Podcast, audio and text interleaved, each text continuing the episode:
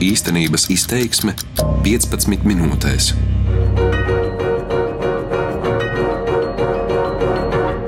Kāda šobrīd ir rietumu sabiedrības patiesā seja bez grima un maskas, To šogad drosmīgi atklājuši izcili dažādu valstu kino režisori.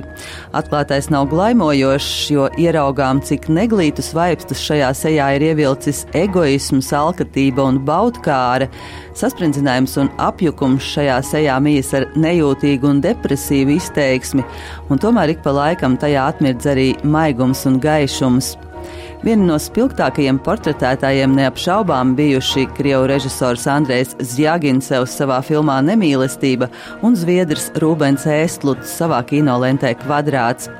Abas filmas ir arī īsteni mākslas meistara darbi, kas gan emocionāli ļoti dziļi satricina, gan liek arī ļoti daudz domāt, jo to izvirzītie jautājumi patiesi ir ļoti aktuāli.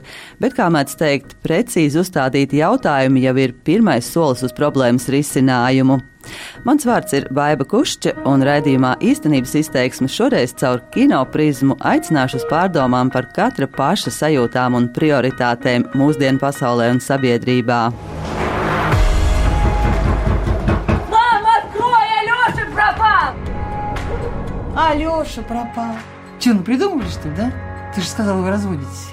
Andrejs Jaginseva filma Nemīlestība ir ļoti skaudrs stāsts par brūkošu ģimeni, paviršību, neiecietību un neiejūtību attiecībās, kā rezultātā par upuri kļūst visā šajā situācijā aizmirstais un gandrīz vai traucējošais dēls Aļoša. Алеша Слепцов, 12 лет, рост приблизительно 1 метр 50 сантиметров, здоров, без особых примет.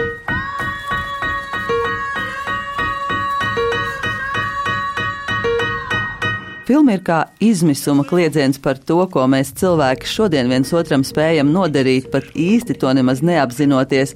Taču viena no lielākajām vērtībām ar savu spēcīgo vēstījumu tā spēja aktivizēt skatītājos nemīlestības pretstatu sirds līmeni.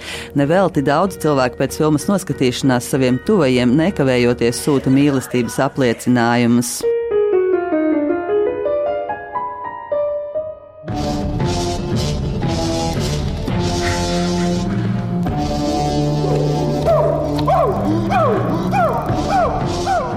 Ģimenisko vērtību sabrukums, bērni, kas tiek mētāti no viena šķirtā vecāka pie otra, paviršība attiecībās, ir arī Zviedrijas filmas kvadrāts ļoti svarīgas tēmas, plusā vēl liekot citus aktuālus jautājumus, piemēram, mūsdienu mākslas dažkārt visai apšaubāmo vērtību. Filmai kvadrāts ir īpaša traģikomiska intonācija, kas, kā uzskata kino kritiķa Daira Āboliņa, uzrāda veselīgumu pazīmi kā mākslātā sabiedrībā. Kaut kur tā gaisma ir kaut vai tajā pašā apstākļā, ka mēs jau varam mazliet paķeķināt, ja ne vairāk, tad pasmīnēt par to, nu jā, tiešām, ko mēs tur darām tajās kultūras aģentūrās, un tiešām, vai nav tā, ka mēs dažkārt mākslas vietā pārdodam tukšu konfektes papīrīti, tikai spožu bumbiņu, kurā ir nesaprotams daudzums uzpūsta gaisa.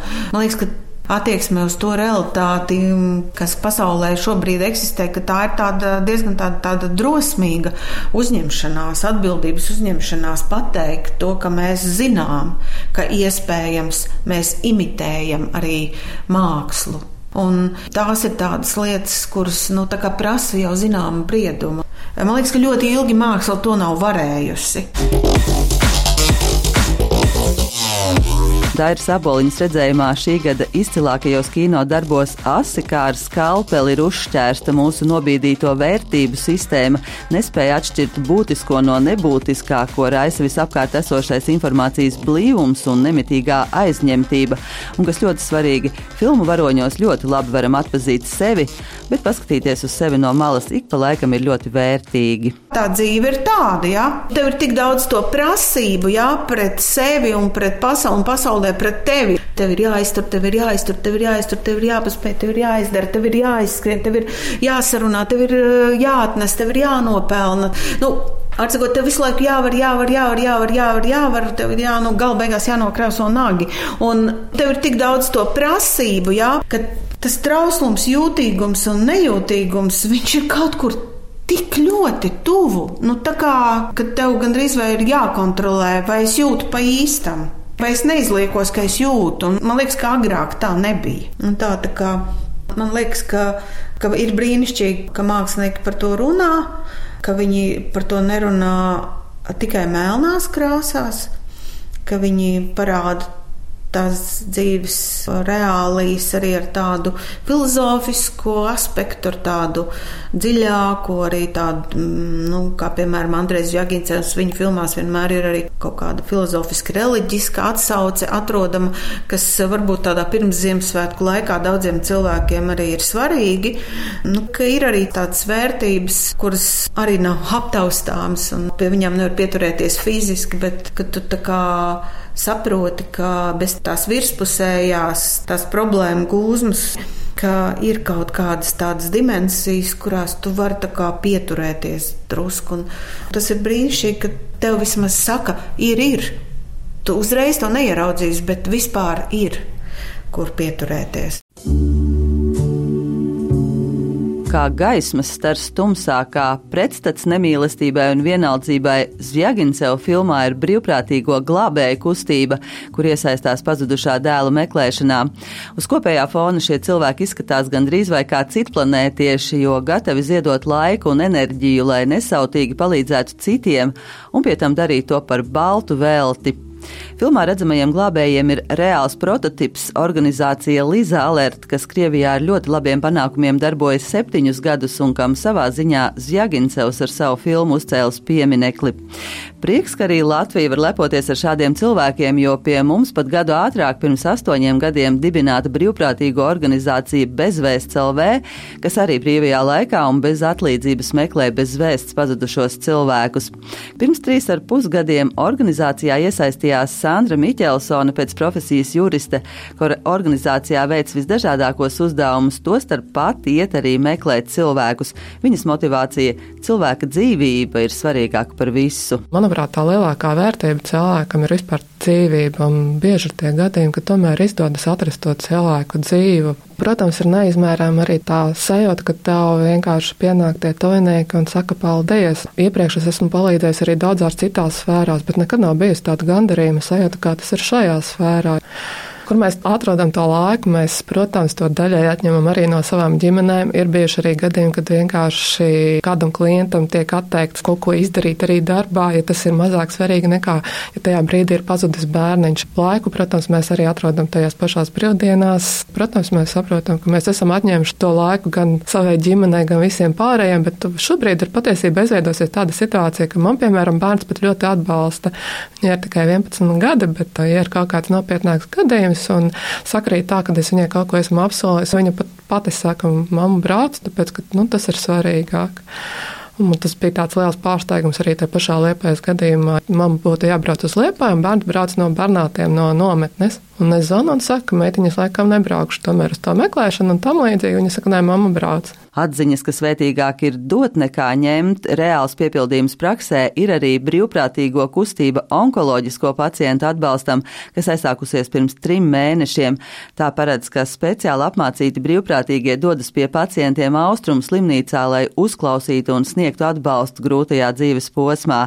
Kustība iedibinājusi biedrība Svētās ģimenes māja, un, kā atzīst priesteris Andris Kravalis ļoti liels prieks, ka cilvēku atsaucība bijusi daudz lielāka vēl nekā cerēts. Bijām paši pārsteigti par to lielu atsaucību, interesi un vēlmi apmeklēt šos cilvēkus vienkārši pat bez medicīniskām zināšanām, būt tiem, kas cieši klāt, varbūt pat tikai paturēt roku varbūt eh, palūkties, un nebūt eh, šie cilvēki nebija ticīgi cilvēki. Viņi izgāja apmācību, un tagad uz doto brīdi mums ir kādi 70 brīvprātīgie, kas nu, ne tikai tā teorētiski, bet arī ļoti praktiski sadarbībā ar slimnīcas kapelāniem, ar ārstiem, ar medmāsām, tātad ir gatavi un jau ir tādi pirmie augļi kad eh, nu, cilvēks pavada mūžībā, ir klāt tieši tajā stundā, kad ir šī pārēja Un, protams, nu, tas, ka viņi ir nu, motivēti un, un viņi ir tur klātesoši un viņiem ir laiks, tad tas eh, izmaina gan eh, viņus pašus, tā saskarsme ar šiem slimniekiem, un arī es domāju, ka slimnieki ir ieguvēji. Tieši šī cilvēku satikšanās sirds līmenī ir visvairāk nepieciešama, lai katrs no mums un līdz ar to arī visa sabiedrība sāktu dziedināties, iegūtu lielāku harmoniju un dzīves piepildījumu sajūtu, ir pārliecināts šobrīd Latvijā dzīvojošais beļģu misionārs, filozofs un teologs Jozefs Bastēns. Viņš bieži tiek aicināts uzstāties ar lekcijām dažādās auditorijās, un te vienmēr cilvēku uzmanības centrā izvirza jautājumu, ko darīt ar depresiju un nomāktību kas ir tik bieži viņu dzīves pavadoni un kā pa īstam dzīvot, nevis tikai funkcionēt. Žozefs, kurš pats savulaik piedzīvojis smagu depresiju, uzskata, ka problēma ir tajā, ka mēs pārāk daudz dzīvojam prāta un nevis sirds līmenī, kas ir cilvēka patiesā dziļākā būtība un īstenais kodols. Sabiedrības spiediena dēļ mēs šo savu kodolu apklusinām, nobloķējam, apaudzējam ar neskaitāmiem uzslāņojumiem, jo tas traucē mūsdienu žurku skrējienā. Taču tā ir vardarbība pret sevi, ne visi to iztur, un tad sākas tukšuma sajūta, kam var būt ļoti smagas smagas sekas, bet kas var būt arī impulss, lai atkal atgrieztos pie sava patiesā kodola. Pašam Jozefam Bastēnam savulaik to palīdzēja izdarīt klusuma skola kādā kristiešu kopienā, bet jo īpaši darbs Žanavanjē dibinātajā šķirsta kopienā, kur dzīvo cilvēki ar garīgās attīstības traucējumiem. Šie cilvēki dzīvo ārpus mūsu sabiedrības uzstādījumiem, un kopā ar viņiem Jozefs vislabāk saprata, ko nozīmē satikšanās sirds līmenī. Vēl un autre qui me demandait. Est-ce que tu m'aimes? C'est son cri. Es atceros kādu situāciju, kā cilvēks ar īpašām vajadzībām šī šķirsta kopienām uzdeva jautājumu, vai tu mani mīli? Viņš to darīja diezgan agresīvā veidā. Un agresivitāte arī ir valodas veids. Tas nozīmē, ka es sadusmojos tāpēc, ka es netieku pieņemts tāds, kāds es esmu. Alors dit, euh, si ça ça, guerre. Un viņš sacīja, zini, tu tā kā neproti un nevari mani mīlēt, jo tev ir liela galva un maza sirds. Un ja tas tevī tā ir, tad starp galvu un sirdi ir karš. Tu neesi līdzsvarā, mierā, bet, ja tava sirds ir lielāka kā tava galva, alors c'est la paix. Iestājās miers. Un mēs kļūstam draugi. Alors, met Un viņš kā padomu sacīja, tad savu galvu ieliec savā sirdī. Un viņš Va? paņēma ar pirkstu tā mazliet pamāja uz mani. Es noliecos, tiešām es galvu tā noliecu pie viņa. tête, Un viņš saķēra mani un noskūpstīja. Un tajā brīdī es saņēmu visu maigumu, kas man bija nepieciešams. Un tas ir tas paradoks, ka cilvēki, kas ir izslāpuši pēc mīlestības, kas sauc un kliedz, īstenībā tieši tie var dot mums šo mīlestību.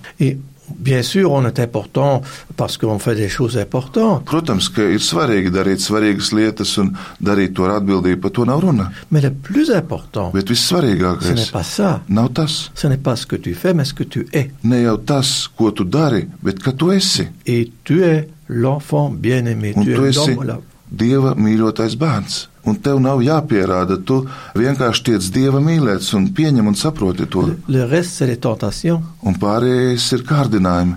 Donc, et le moment où je m'accepte comme je suis, Un kad es pieņemu sevi tāds, kāds es esmu, avec tous mes défauts, mes faiblesses, ar manu vājumu, ar manām nepilnībām, trūkumiem, tajā Jā, brīdī es tur arī satieku kādu klātbūtni, un tas ir Dievs. tout commence par la présence et par la rencontre. Viss sākās ar klātbūtni, viss sākās ar tikšanos, Et là, nous sommes tous égaux.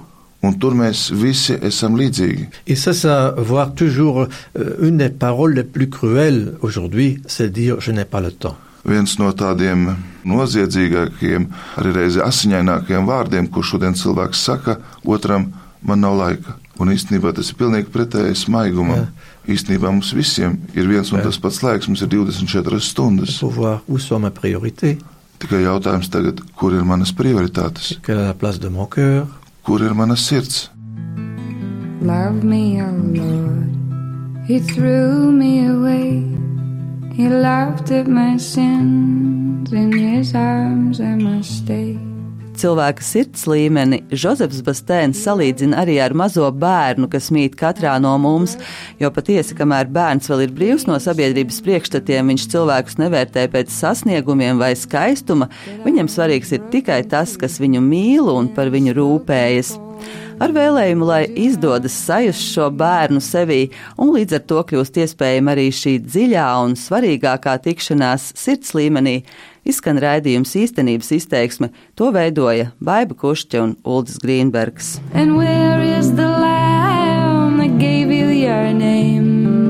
He had to leave, though I begged him to stay. Īstenības izteiksme 15 minūtēs.